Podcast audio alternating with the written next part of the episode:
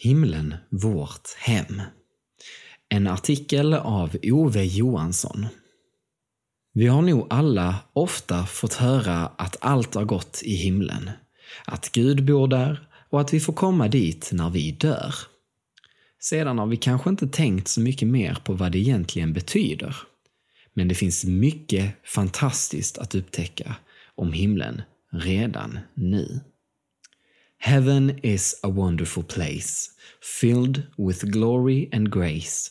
I want to see my Savior's face, cause heaven is a wonderful place. Konfirmandernas röster ekade glatt i den stora kyrkan. Var det för att de faktiskt längtade till himlen, eller för att det var kul att sjunga just den sången? Jag misstänker det senare. För de verkade allt för glada i nuet och i varandra. Men ändå, är det viktigt med himlen? Och i så fall, varför då? Jesus vill det. I sitt avskedstal till lärjungarna kvällen innan han ska lämna dem säger Jesus Jag ska komma tillbaka och hämta er till mig för att ni ska vara där jag är. Johannes evangeliet kapitel 14, vers 3. Samma kväll ber han för sina lärjungar, ja, för oss. Far, jag vill att där jag är, där ska också det som du har gett mig vara med mig. Låt dem få se min härlighet.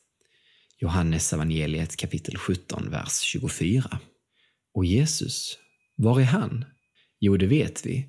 För helt rätt säger vi i vår trosbekännelse uppstånden till himmelen, sittande på Gud faders högra sida. Jesus är i himlen. Men lovade han inte vara med oss här, alla dagar, till tidens slut? Jo, det stämmer. Och när jag var ung, för cirka hundra år sedan, sjöng vi en sång som var gammal redan då. Där Jesus är, är himlen. Det är sant att himlen är där Jesus är. Men vi ser honom inte och känner ganska sällan att han finns här med himlen, alldeles nära in på oss. Och känslorna betyder ju så mycket för oss. Men det är ett faktum att han som har dött på korset för våra synder, han älskar oss och vill leda oss genom livet till sitt hem i glädjen hos Gud. Jesus vet att vi, efter livet här på jorden, ska finnas i hans himmel för evigt. Vi vill dit? Frågetecken. La du märke till frågetecknet? Det är inte alls säkert att man vill till himlen. Jag har ju ganska fullt upp med allt som händer här på jorden och trivs ganska bra med mitt liv här.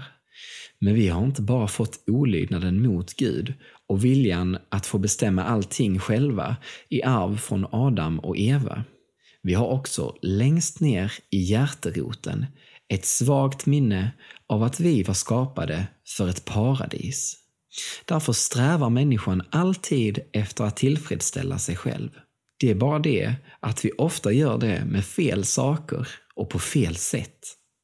Bara Gud, som har skapat oss, som är vår mening och vårt mål, kan ge själen vila.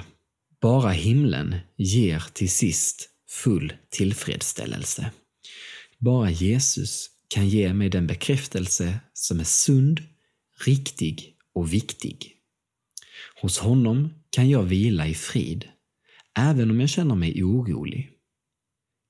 En gång i himlen ska vi helt och fullt få känna friden och glädjen. Bilder av himlen. Hur är det i himlen då? Ja, det här är lite irriterande. I vanliga fall när folk reser till andra länder så kan de berätta lite hur det är när de kommer tillbaka hem. Men om himlen har vi ju ingen att fråga. Jo, Jesus förstås. För han kom ju därifrån hit till jorden. Och visst har han en del att säga om himlen, om festen i Guds rike. Det är just fest.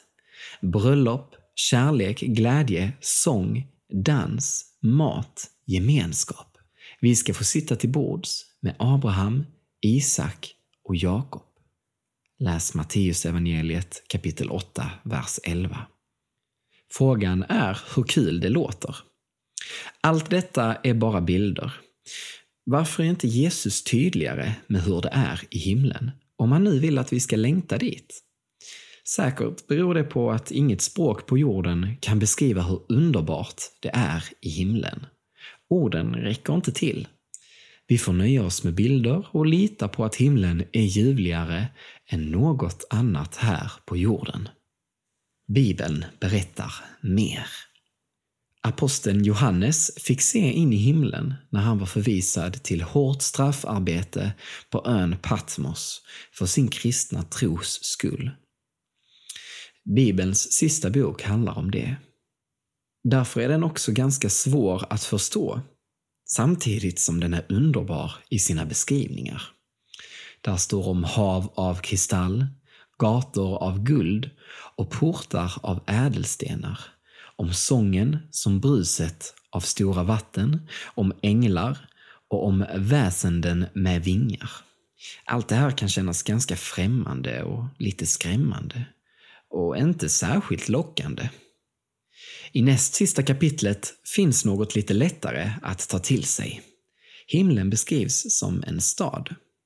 Att himlen liknas vid en stad, det nya Jerusalem, har med trygghet, närhet, resurser och gemenskap att göra. Så den som älskar skogar, hav och berg ska inte bli besviken. I Uppenbarelseboken kapitel 21, vers 26 till 27 står det något underbart. Folkens härlighet och ära ska föras in i staden. Aldrig ska något orent komma in i den.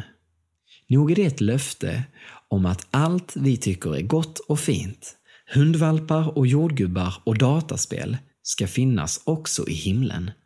Men aldrig någonsin något som är ont och skadligt. I början av samma kapitel står det något ännu bättre om himlen. Gud ska torka alla tårar från deras ögon. Döden ska inte finnas mer. Och ingen sorg och ingen plåga. Ja, död och sorg och plåga känner vi till. Och tårar. När det drabbar oss önskar vi att det inte fanns. En gång blir det så. I himlen. Och tänk, det är ingen ängel som får det uppdraget när jag sörjer och är ledsen och jordelivet är färdigt. Utan Gud själv kommer med sin hand och torkar varsamt min kind. Just det, Gud själv. Han är så nära.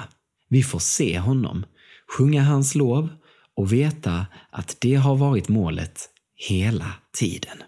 Kom och se. Till sist handlar det ändå om Jesus. För det viktigaste är inte att tro på himlen, utan att tro på Jesus, längta efter honom och få kärlek till honom. Det ska vi alltid sträva efter. Då kommer också en längtan efter himlen. I Johannes evangeliet undrar två av Johannes döparens lärjungar var Jesus bor. Kom och se, säger han. Vi vet var Jesus bor. Han bor i himlen och har gått dit i förväg och gjort i ordning en plats för oss. Läs Johannes evangeliet kapitel 14, vers 2-3. Men det är också så underligt och så underbart att han bor i våra hjärtan när vi tror på honom. Läs Efesierbrevet kapitel 3, vers 16 17. Är det nu så att i want to see my Savior's face cause heaven is a wonderful place så är vi på helt rätt väg. Himlen får gärna vänta ett tag, för vi har viktiga uppgifter kvar här. Uppgifter där vi bland annat försöker att få fler med oss på vägen dit.